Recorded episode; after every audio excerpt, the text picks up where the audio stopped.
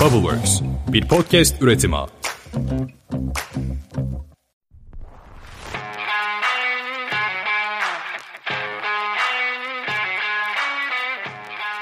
Selamlar. Goin'in podcast kanalı olan Good Innovation'a hoş geldin.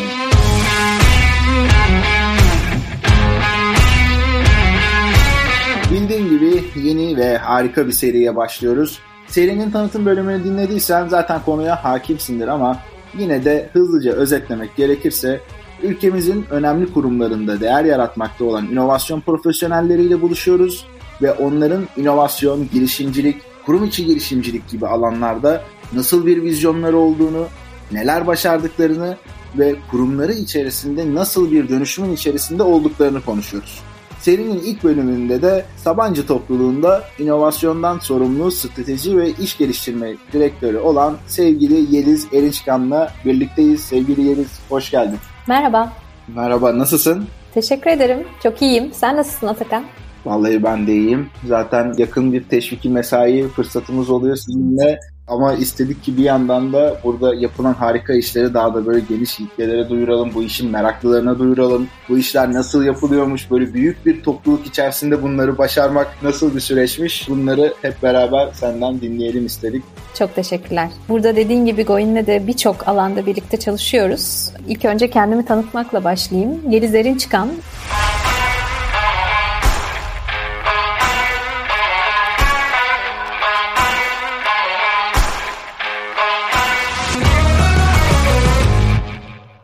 Bahsettiğim gibi Sabancı Holding bünyesinde strateji ve iş geliştirme direktörü olarak çalışıyorum. İnovasyon lead'iyim aynı zamanda. Ne demek? Yani bir holding headquarter merkezde inovasyonla ilgili ne yapılır? Neden burada bir direktörlük var? Detayını seninle birlikte konuşalım bugün. Bunun öncesinde de Brisa'daydım. Brisa'da da yine Goin'le yakın çalışıyorduk. Brisa Holding şirketlerinden bir tanesi. Japon ortaklı. Brisa'da da yine girişimcilik ve inovasyon, açık inovasyonun başındaydım. Ekiple birlikte birçok açık inovasyon projesine de imza attık. Onun öncesinde yine Sabancı Holding'de yine strateji departmanında ama bu sefer uzun dönemli planlama ve proje geliştirme bölümündeydim. Böyle bir geçmiş var. Daha da eskiye dönmeyeyim. Kendimden böylece kısaca bahsetmiş olayım girişte. Tamam. Ben şimdi işin diğer ana konularına geçiş yapıyor olacağız ama benim genel olarak inovasyon profesyonelleriyle ilgili de gözlemlediğim şöyle bir durum da var. Sosyal hayatla ilgili de kuvvetli bir durum var. Ya mutlaka işte uğraştıkları bir şeyler var. Doğru. Böyle evet. seni tanımak denilince genelde iş hayatından bahsediyoruz tabii ki. Ama onun yanı sıra burada biraz o sosyal yönlere de değinelim istiyorum açıkçası. Orada da söyleyecek bir iki cümlem varsa onları da alalım. Sonra hemen diğer tarafa geçelim. Tabii ki. Kendi girişim denemelerimde oldu mu? Oldu. Yeliz'in stüdyosu altında e, fotoğrafçılık, hikaye fotoğrafçılığı denedim. Bir dönem başarılı da oldum. Fakat e, işte iki çocuk annesiyim. Çocukların doğumu araya girmesiyle falan biraz bu fotoğraf girişimciliği, hikaye fotoğrafçılığı işini kenara kaldırdım. Sonra kendi çapımda başka sosyal girişimler oldu. Böyle başarıya ulaştı diyebileceğim şimdilik benim şey gibi ruhani tarafımı tatmin eden sosyal girişimlerim var. Bunlar devam ediyor bir yandan. Bir de iki çocuk annesiyim. Onlarla birlikte de hayat devinim ve dönüşüm içerisinde her daim. Anladım valla harika süper. Zaten bu tarz şeylerde insanın içinden gelen ve normal hayatın her yanında sirayet etmiş bir durum oluyor. Sende de aynı şekilde bunu duymak güzel oldu. Ben ayrıca o işin stüdyo tarafını da bilmiyordum. Onu da duyduğuma ayrıca sevindim. Teşekkürler paylaşımın için. Rica ederim. Şimdi bu serinin adı da işte inovasyon profesyonelleri. Dolayısıyla ben de baştan beri sürekli diyorum inovasyon profesyonelleri, inovasyon vesaire. Ama inovasyon profesyoneli ne demek? Burada bizi dinleyenler bundan ne anlamalı? Onlar da bir inovasyon profesyoneli olabilir mi? Olacaksa nasıl falan biraz bunları konuşalım. Ya Atakan samimi olmak gerekirse inovasyonun profesyoneli olmaz bence. Yani burada bir anlaşalım baştan. tamam anlaştık. Neden böyle diyorum? İnovasyon dediğin tamamen esnek, açık olmaya dayalı, müşteri odaklı ya da problem odaklı olmayı gerektiren, bu yüzden de aslında problem neyse onun peşinde koşmanı gerektiren, tailor made diyeceğim ya da hani gerçekten o problem odaklı, o müşteri odaklı, çevik yaklaşım, dinamik, hızlı yaklaşım gerektiren bir içeriği var inovasyonun. Dolayısıyla inovasyon profesyoneli deyince anlıyorum hani kastettiğiniz tabii ki bu alanda çalışan, değer yaratmaya çalışan, e, kariyer yapmaya çalışan insanlardan bahsediyorsunuz. Hani işin esprisi bir yandan ama bir yandan da inandığım da bu hakikaten bu anlamda esnek olmanın, çevik olmanın, bugün burada yarın başka bir yerde olmanın ben artı değer katacağına da inanıyorum. Bu kapsamda inovasyon odaklılık ya da problem odaklılık bence bir bakış açısı. Hayata bir bakış açısı. Sadece işe, kariyere değil. Dolayısıyla bir problemi keşfetmek, bu iş yerindeki bir problem olabilir, aile içindeki bir problem veya dışarıda bir problem olabilir. Ve bu problemi çözüme ulaştırmak için eğer mevcut bir çözüm yolu yoksa, yani çünkü etrafta bir sürü çözüm de olabilir. Bunlar yeterli değil ya da tatmin edici değilse bu çözüm yoluna ulaşmayı gerektiren bir bakış açısı. Profesyonelliğe gelince profesyonel hayata nasıl yansıyor? Aslında iş yerinde karşılaştığımız bu boşlukları, problemleri doldurmaya yönelik bu connecting the dots der ya Amerikalılar. Bir yandan böyle bir bakış açısıyla çözüm odaklı yaklaşmak, farklılıkları masaya koyabilmek, mevcut bir çözüm varsa bunu inovatif yollarla nasıl değiştirebilirim, farklılaştırabilirim mi anlayabilmek bence inovasyon odaklılık, profesyonel hayatta inovasyon odaklılığın uygulanması demek oluyor. Bilmiyorum sende başka bir tanım var mıdır? Vallahi yok ben de aslında büyük oranda katılıyorum. Zaten hep konuştuğumuz gibi bütün tabii ki çözüme gideceğiz ama bunu doğru bir probleme dayandırıyor olmak, işte bunun içerisinde yenilikçi şeyleri deniyor olmak ve bir yandan da sürekli hızlı hareket edebilmek aslında bence en kritik kısım o. Yani Kesinlikle. Hani mükemmel olmayla ilgili bir maalesef bir şey var. Belki maalesef de demeyeyim bunun da işe yaradığı yerler de olabilir ama yeni bir iş modelini hayata geçirirken işte o Lean Startup'ta falan da hep konuştuğumuz hızlıca dene, hızlıca yanıl ve hızlı bir şekilde de öğren mantığı bence işin temelini oluşturuyor. Burada da bunu aslında bu denli büyük bir topluluk içerisinde yapmak da pek kolay bir şey değil. O yüzden işin kurum tarafında inovasyona nasıl bir bakış açısı var? Sürekli Cenk Bey'den de dinliyoruz işte burada hata yapmaktan korkmayın, hızlıca deneyin arkadaşlar gibi böyle gelen bir vizyon var ama senden ricam onu biraz daha böyle açabilirsek süper olur. Tabii ki. Aslında çok güzel bir yere değindin. Genellikle mükemmeliyetçi bir yapımız var. Sabancı grubu olarak da operational efficiency dediğimiz operasyonel mükemmellik, pazarlama mükemmelliği, İçeride finansal mükemmellik konularında çok iyiyiz. Kaslarımız inanılmaz gelişmiş. Bugüne kadar da aslında bu tür büyük toplulukların büyümesini sağlamış, buraya gelmelerini sağlamış en büyük yetkinlik ve kaslardan. Fakat dünyanın böyle dönmediğini, artık yeni beceriler geliştirmenin gerekliliğini hepimiz fark ediyoruz. Bu nedenle de aslında 4-5 sene kadar önce çok somut Sabancı topluluğunun içerisinde de bunların adımları atılmaya başlandı. Burada hem dijitalizasyon alanında, ileri veri analitiği alanında, sonrasında da inovasyon akademisi olarak farklı farklı akademilerle aslında mevcut yetkinliklerimizi geliştirmeye yönelik adımlar atmaya başladık. Son sizlerle birlikte geliştirdiğimiz Sabancı Üniversitesi ve GOİN ile birlikte yola çıktığımız XLab var. İnovasyon akademimiz. Burada turda her tur başında 250 kişiyi içeriye alıp onların inovasyon bakış açılarını, inovasyon yetkinliklerini geliştirmeye çalıştığımız bir akademimiz mevcut. Tabii ki 250 kişinin 250 kişisi de aynı şekilde mezun olmuyor. Çeşitli farklı şirketlerden farklı geçmişlerle masaya oturuyorlar. Bu eğitimin tamamı online ve modüler ve kişinin kendi hızına bağlı, kendi ne kadar derine girmek isterse buna bağlı akacak şekilde dizayn edildi. Bu konuda ellerinize de sağlık Atakan. Goyin'e çok teşekkür ediyoruz. Hep beraber. Sabancı Üniversitesi ile birlikte. Dolayısıyla 250 kişi bir yere kadar getiriyorlar ve gerçekten bu işe tutkusu olan dedike kişilerle birlikte de Ideaton dediğimiz mezuniyet projesi, mezuniyet tezi diyelim, problem alanlarına, belirlenmiş problem alanlarına yönelik çözüm önerileri getirdikleri, hatta bu dönem itibariyle MVP'ye kadar bu çözüm önerilerini taşıyacakları bir sistemimiz var. Kuluçka merkezi ne doğru aslında gidiyor. Bu sadece bir yetkinlik oluşturma platformu gibi değil. Bir yandan da fikirlerin konsepte, konseptlerin MVP'ye minimum viable product'a kadar getirildiği bir kuluçka merkezi gibi konumlanıyor içimizde. Bunun dışında e, yine 4 sene önce adımlarını attığımız Sabancı topluluğu için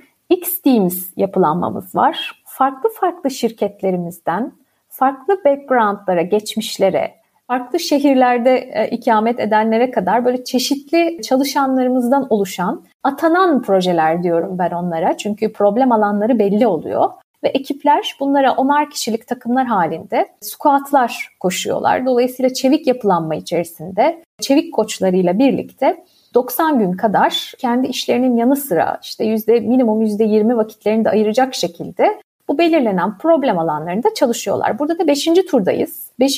tura kadar genelde fikir geliştirme ve konsept geliştirmeye odaklanılmış. Şimdi artık bu problem alanlarında konseptler geliştiği için execution'a, ticarileşmeye doğru yönelttik yönümüzü. Dolayısıyla projelerde ticarileşmeye gidecek şekilde bir akış oturtmaya çalışıyoruz. Bunun yanı sıra topluluk şirketlerimizde uygulanan bu atanan projeler değil ama fikir gerçekten çalışanlarımızdan, çalışanlardan gelecek şekilde çeşitli platformlar var. E, Enerjisa'da var, Brista'da var, Aksigorta'da var, Sabancı DX'de var gibi gibi gibi aslında topluluk şirketlerimizde var. Bunu neden holding seviyesine de taşımayalım dedik. Dolayısıyla holding seviyesinde de işte 60 bin tane çalışanımız var Türkiye çapında. Onların problem alanlarını, onların fikirlerini dinleyelim dedik. Bunlar ama geliştirme fikri gibi değil ya da kendi şirketinde yapabileceği fikirler gibi değil. Aslında daha yatay, şirketler arası veya şirketlerin odak alanlarının dışında kalan alanlar için bize gelmelerini isteyeceğiz. Bunun da lansmanını kısa zamanda yapmayı planlıyoruz. Dolayısıyla 60 bin tane sensörümüz var bizim bütün Türkiye çapında.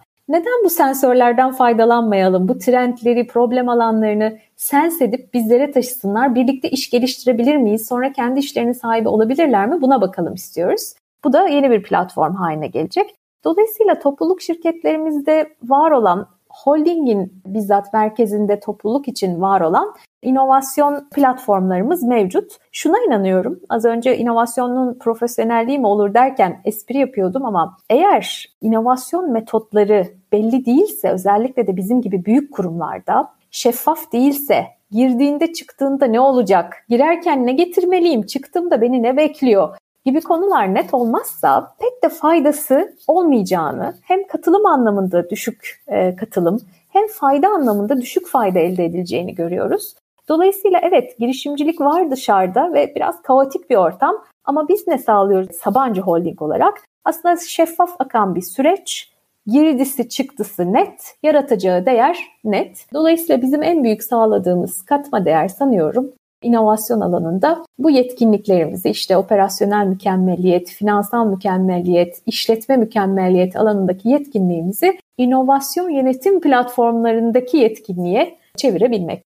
Ben de aslında işin buradaki çıktı hedefleri de neler diye de soracaktım ama sen olayı bir bütün olarak zaten kavradın ve işin o kısmına da değindin. Bence orası da net oldu. Çıktı olarak bir tek şunu eklemek isterim Atakan. Evet. Amaç aslında hani inovasyon alanında ne kadar güzel çalışıyoruz, platformu da çok güzel kurduk demek değil. Hakikaten amaç büyümek ya da gelen disruptif trendleri önceden fark edebilmek. Amaç hakikaten ortaya ticarileşen, bizim holding olarak büyümemizi sağlayacak, grup şirketleri olarak büyümemizi sağlayacak, bizi ileriye taşıyabilecek fikirlerin hayata geçirilmesi. Yani burada e, amacımız yetkinlik kazandırmakla kalmak değil, gerçekten ticarileşen projelerin sayısının çoğalmasını sağlamak. Harika. Ben de aslında işin o tarafıyla ilgili de bir iki bir şey soracaktım ama oraya da bir cevap geldi. Yine bir ekleme varsa ben hemen bir yorumlayayım. Sen ona devam edebilirsin. Eskiden hani hep şu konuları konuşuyorduk ya bir iki yıl, üç yıl önce falan belki daha da gerisinde. inovasyonu yapsak mı, yapmasak mı? Hadi bir başlayalım bir şeyler çıksın falan daha çok böyle tam senin dediğin gibi bir PR amaçlı bir şey olarak aslında kullanılıyordu. Ya biz de yapıyoruz falan biz de buralardayız diye söylemek için yapılıyordu ama özellikle işte böyle sizlerin burada yaptığınız çalışmalar çok değerli ve bence bütün sektörlere de açıkçası örnek de oluyor gerçekten iç, içeriden bir şeyler çıkartabilmek. Bu işin gerçekten bir kurumun her ne kadar çok büyük bir topluluktan bahsediyor olsak dahi ona daha da ileriye gitmesiyle ilgili belki globalleşmesiyle, belki dijitalleşmesiyle, belki sürdürülebilirlik hedeflerini hayata geçirebilecek donanımda ve teknik yeterlilikte işlerin çıkmasıyla ilgili büyümesinde bir şekilde bir faydasının olduğunu ve bunun da desteklenmesi gerektiği bunun da ötesinde buraya net bir vizyonun koyulması gerektiği gün geçtikçe çok daha iyi anlaşılıyor. İyi ki bu işlere böyle eğiliyorsunuz da daha da e, büyüyen bir etki ortaya çıkıyor diye onu söyleyeyim. Büyüyen bir ekosistem. Aynen öyle. Kesinlikle. Türkiye bunun için çok güzel bir ülke aslında. Çünkü hem altyapısı genç nüfus ve gerçekten kalifiye genç nüfus. Bir de hepimiz aslında problem ve çözüm odaklıyız. Hani Türk kültüründe de bu şey var. Dolayısıyla aslında Türkiye bu anlamda insan kaynağı, kalifiye insan kaynağı ya da inovatif insan kaynağı anlamında besleyici bir ülke. Bizim dediğim gibi 60 bin çalışanımız da hem sensör hem de bu anlamda değer katacak farklı problem alanlarını ve çözümleri masaya getirebilecek bir insan kaynağı. Biz de e, başka yetkinliklerle, kaslarımızla onları desteklemeye devam edeceğiz. Tamamdır süper. Şimdi bu işin vizyonunu konuştuk. İşte burada atılacak olan adımlar çıktı, hedefleri gayet net. Bir yandan da bu işin gerçekten içerisine girip koşan insanlar var. Yani işte örneğin biraz önce bahsettiğim gibi işte X-Lab'ın veya X-Teams'lerin katılımcıları var. Onlar tarafından sence bu nasıl karşılanıyor? Geçmişte nasıldı, şu anda nasıl ve nereye doğru gidiyor? Buradaki zorluklar neler, kolaylıklar, motivasyonlar nasıl bir gözlemim var o tarafta? Sabancı topluluğu olarak 4-5 sene belki hani 7-5-7 sene diyebiliriz bir dönüşüm içerisindeyiz. Riskler yerine fırsatlara odaklanma konusuna aslında gündemde tutuyoruz. Bu da bir kültürel dönüşüm de demek bir yandan. Yani çalışanlarımız veya XLB, XT'imize katılanlar tabii ki riskleri de görsünler ama aynı zamanda fırsatlara bakacak bir bakış açısı onlarla birlikte olsun. Seçici kurul bizim yürütme kurulumuz veya üst düzey yöneticilerimizden oluşuyor. Aynı şekilde evet riskleri görelim, bertaraf etmek için neler yapabiliriz bunlara odaklanalım ama fırsatlara daha fazla odaklanalım, geleceğe daha fazla odaklanalım kanısındayız. Bu bir kültürel dönüşüm. Bu tür platformların tur sayısı arttıkça, projeler geliştikçe buradan ve platformların sayısı farklılaşıp arttıkça bu kültürel dönüşümün çıktılarını, meyvelerini de görmeye daha çok başlayacağız. Yani burada X-Lab'de 250, 250 yani 500 kişi kadar mezun e, verdik. Artık bir komünite burada oluşmaya başladı. X Teams'de 5. turundayız. 5. turda yaklaşık 40'a yakın proje buradan çıktı. Dolayısıyla burada da bir komünite, alumni diyoruz. Bir komünite oluşmaya başladı.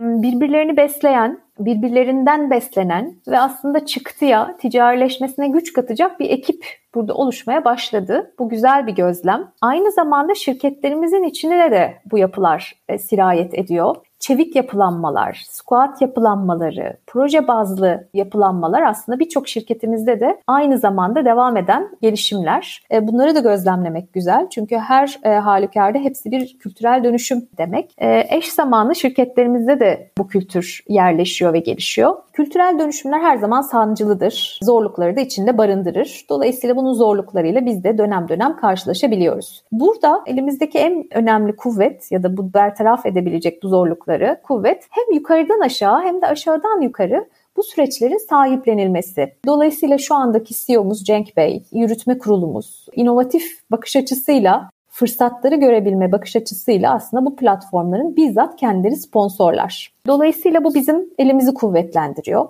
Ama hiçbir zaman inovasyon tepeden aşağıda olmuyor. Dolayısıyla aşağıdan yukarıya da talep var. Genç nüfusumuz, çeşitlilik barındıran, diversified çalışan yapımız, hem farklı şehirler hem farklı geçmişler az önce de bahsettiğim gibi farklı şirketlerden gelen çalışanlarımız, yurt içi ve yurt dışındaki temsiliyetlerimiz aslında bu talebi de arttırıyor. Dolayısıyla hem yukarıdan aşağı hem de aşağıdan yukarıya sahiplenilmek kültürel değişimde, bu dönüşümde bizim önümüzü açıyor.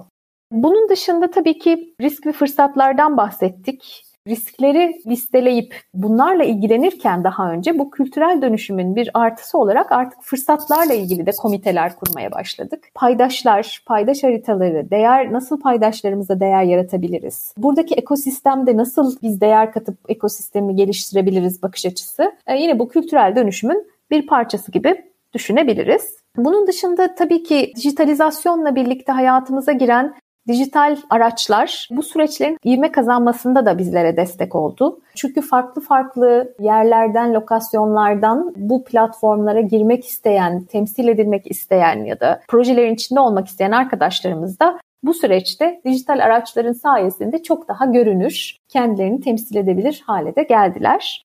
Bu da zaman içinde aslında dijitalizasyonla birlikte işlerimizi kolaylaştıran, hızlandıran bir etmen oldu.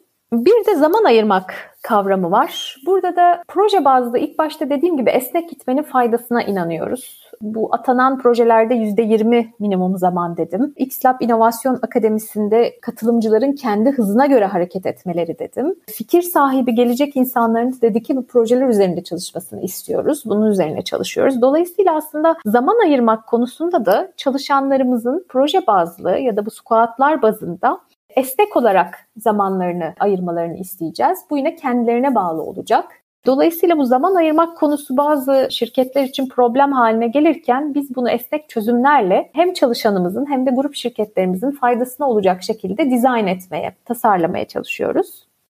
Valla bu kısım bence özellikle önemli. Yani biz de bir sürü işte kurumda benzer süreçlerin içerisinde olduğumuz için şunu çok yoğun bir şekilde görüyoruz. Şimdi herkes belli bir yoğunluğun üstünde çalışıyor. Yani o mesai saatinin işte dışına taşma durumu kimi zaman oluyor olmuyor ayrı mesele ama mevcut mesai saati gerçekten böyle ucu ucuna yetiyor gibi bir durum var çoğu firmada. Dolayısıyla burada o zamanla ilgili esnekliğin verilmesi o inovatif zihin yapısının oluşabilmesi, yenilikçi bakış açısının ortaya koyulabilmesi ve temelden başlayan bir şeyler varsa da aslında bu yeni metotların öğrenilebilir bir ortamın oluşması için çok değerli. O yüzden orada o modüler yapıyı duyduğuma da ben sevindim. Eminim ki bu iş potansiyel katılımcıları da buna mutlu olacaklardır. Bir de e, bir şeyin altını daha da çizmek istiyorum. Hani kültürel dönüşüm süreci var. Siz de zaten sen çok güzel bir şekilde özetledin. Bir yandan da bu Good Innovation Podcast kanalını dinleyenler arasında kariyerine yeni adım atanlar, işte atmak üzere olanlar falan da var. Onlar için de işte yeni nesil kariyer deneyimi programı gibi, Seed programı gibi de yine o inovatif zihin yapısını çok daha temelden oluşturmaya dönük yapılan programlar var. Ben şunu tüm açıklığıyla söyleyeyim. Hatta işte buradan yine e, topluluk tarafında, holding tarafında işte Gülçin'in ve Sezgin'in de kulaklarını da çekiyorum. Daha giriş aşamasındayken böyle bir hani staj programı olarak geçmiyor ama uzun dönemli bir yapılan bir çalışma diyelim. Bir onboarding süreci gibi de belki düşünebiliriz. Burada bu denli bir inovasyonla kurum içi girişimcilikle ilgili haftalarca çalışmalar yapılan bir yatırım da aslında o bahsetmiş olduğum vizyonla ilgili ne kadar büyük bir ciddiyet olduğunu, bu kuruma yeni girecek olan o genç yeteneklerin de bu şekilde bir dizaynla e, işin içerisinde katılıyor olmasını çok net bir şekilde gösteriyor diye düşünüyorum. Kesinlikle. Benim şu anda e, yani İK'dan Seval ve Sezgi'ye sevgiler gerçekten ve Gülçin'e. Seed programından bir arkadaş bizimle birlikte. Benim tarafta birlikte çalışıyoruz inovasyon tarafında. Bir de stajyer de aldım. Hani fellow gibi aslında birlikte hem onun fresh bakış açısı bana değer katıyor hem buradaki kurmaya çalıştığımız structure, design yani bu tasarım onun ileriki kariyer hedeflerine de e, aslında destek olacak şekilde ilerliyor. Çok şey öğrenmiş oluyor buradan. E, dolayısıyla gençlere de her zaman kapımız açık. Bu az önce dediğim gibi çeşitlilik gerektiren bir bakış açısı.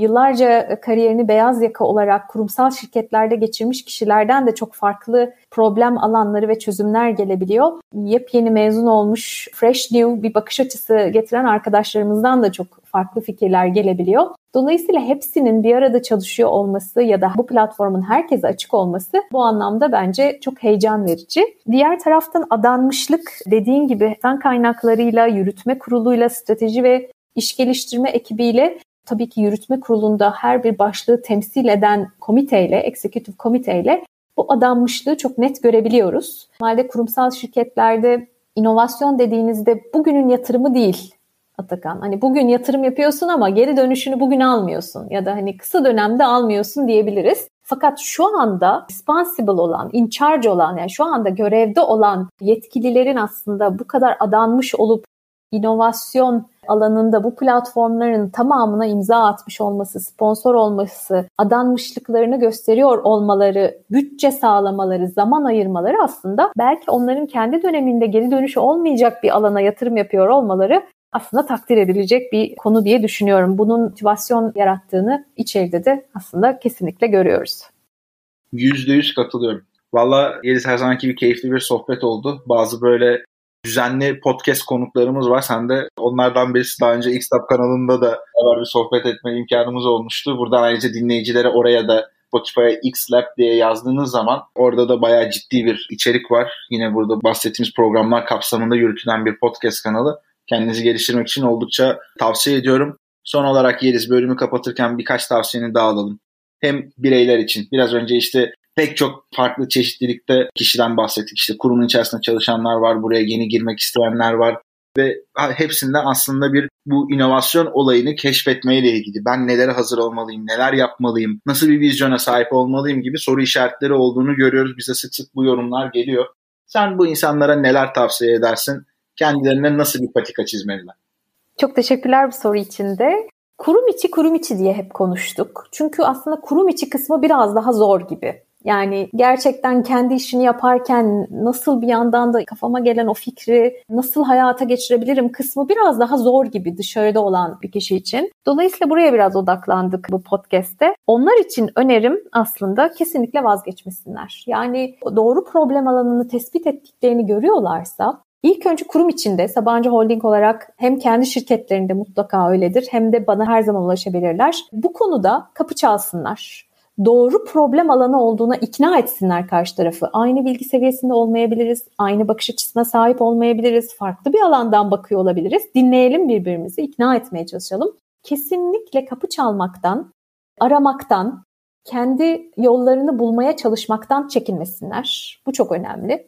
Bu az önce bahsettiğim kültürel dönüşüm, bu platformları şeffaf yapmaya çalışmamız tamamı bu nedenle. Kimsenin geri kalmaması, geri adımda kalmaması, ileriye doğru gidebilmesi için yapılan şeyler. Ve az önce senin de söylediğin gibi mış gibi yapmıyoruz. Gerçekten ortaya bir şeyler çıkarmaya çalışıyoruz. Dolayısıyla bu anlamda cesaretli olsunlar. Diğer taraftan da kurum içinin yanı sıra girişimciler için şunu söylemek isterim. Girişimcilik kaotik bir ortam. Yani problem alanı doğru tespit edilmiş, çözüm ellerinde olabilir. Çeşitli kuluçka merkezleri, hızlandırma merkezleri de olabilir. Ama bundan sonra müşteriye satış yapmak, hele ki B2B satış yapmaya çalışıyorlarsa orası ayrı bir kaotik ortam. Dolayısıyla bir kaosun içindeler. Kendi yollarını, yordamlarını bulmaya çalışıyorlar. Burada da eğer bizim odak alanlarımızla ilgili olduklarını görüyorlarsa, veya bizim şirketlerimizde bir potansiyel, birlikte işbirliği yapma potansiyeli görüyorlarsa yine yılmasınlar. Yine kapıyı çalmaya devam etsinler. Şirket özelinde veya bizlere gelebilirler holding olarak. Bu anlamda da kapım açık. Dolayısıyla iş geliştirmek istedikleri alanla ilgili net olarak ikna etmeye çalışsınlar. Böyle değer katabilirim size.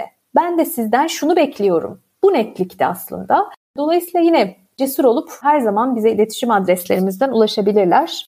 Bu anlamda aslında ilk başta açarken söylediğimiz inovasyon ne demek, inovasyon profesyonelliği nasıl olur kısmından başlayarak esnek olmak, problem alanını tespit edebilmek, gerçekten müşteri odaklı çevik olabilmek. Yani müşteri ya da problem alanı neyi gerektiriyorsa her an itere edebilmek, çevik yaklaşabilmek ve yılmamak. Yılmadan o kapıyı çalmaya devam etmek, ikna etmeye çalışmak bence en önemli unsurlar. Bu anlamda da e, ben vazgeçmemelerini, devam etmelerini, pes etmemeleri gerektiğini tavsiye ediyorum. Vallahi harika. Yeliz daha ne desin sevgili dinleyiciler bakın. Burada girişimci arkadaşlara sesleniyorum özellikle. Kapılar sonuna kadar açık gördüğünüz gibi. Hep konuştuğumuz bir şey var. Girişimcilikle ilgili pek çok işte e, olması gereken böyle temel özellik var. Yani kurum içi veya dışı fark etmeksizin. Ama bunlardan belki de en önemlisi senin de biraz önce o bahsettiğin doğru zamanda, doğru yerde, doğru kişiye ulaşmaktan çekinmemek. O kapıları çalmaktan çekinmemek ve hatta mümkünse de biraz da dediğin gibi ısrarcı olmak. Kimi zaman şeyle karşılaşıyoruz. Ya ona şimdi şunu sormayayım. İşte biraz daha mı beklesem? Şöyle mi yapsam, böyle mi yapsam? Yani şunu hiçbir zaman unutmamak gerekiyor. Karşındaki kişi de eğer senin müşterin de olacaksa, danışmanın da olacaksa, X konusu için kapısını çaldığın birisi de bir insan ve o alanda profesyonelse zaten o profesyonelliğini de paylaşmak için muhtemelen seni bekliyordur. Yeliz'in dediği gibi de ikna edici bir şekilde gidersen artık o da birazcık kişiye kalıyor tabii ki. Tüm bu kapılar açılıyor ve onun sonunda da hep böyle duyduğumuz, şu anda da burada konuştuğumuz gibi çok güzel başarı hikayelerinin önü açılıyor diye düşünüyorum. Katılıyorum. Vallahi çok teşekkürler Yeliz. Ağzına sağlık. Çok keyifli bir sohbet oldu. Teşekkür ederim Atakan. Ne demek ben teşekkür ederim. Gelecek bölümlerde görüşmek üzere diyorum. Güle güle. Görüşmek üzere.